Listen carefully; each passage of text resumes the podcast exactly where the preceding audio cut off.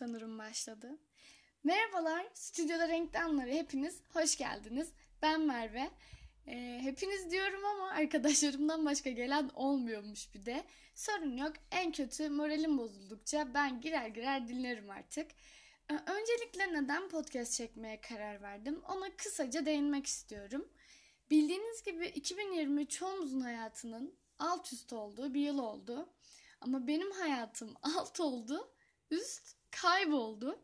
Halen daha da kayıp kendisi. Ama arıyorum umutla. Depremdir, covid'dir, ailesel ve okul problemleri derken başıma gelmeyen benden eksik kaldı. Bu süreci depresyon denizinde bir yukarı bir aşağı tabiri caizse suyun üzerindeki ağaç çöpü gibi bata çıka geçirdim.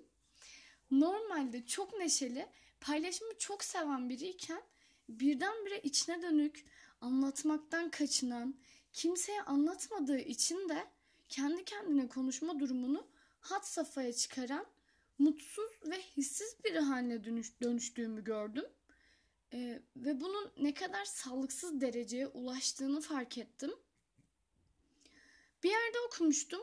Ee, eğer öfkeni, mutsuzluğunu, mutluluğunu yani her türlü duygunu bir şeye, somut bir şeye dönüştürmeyi başarabilen insanlar bu taşıdığı duygulardan kurtulması ve rahatlaması, önünü görebilmesi daha kolay oluyormuş.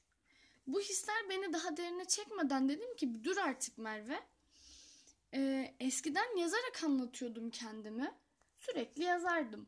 Ama bir anda gelen Franz Kafka ruhuyla yazdığım her şeyi önce yırtıp sonra da kül olana kadar yaktım.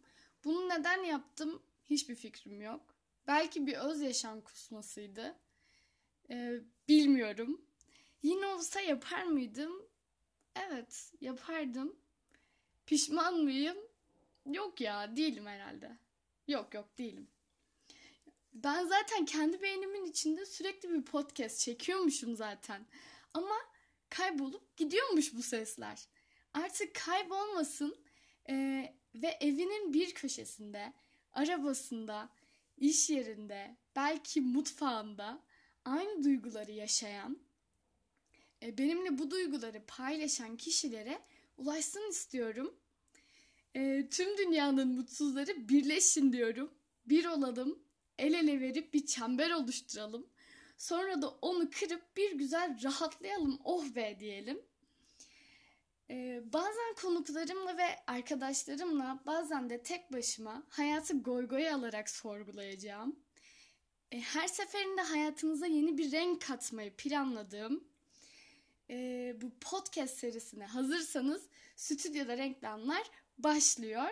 Bu arada unutmayın ki siyah da bir renktir. Yani size her zaman bir gökkuşağı vaat etmiyorum.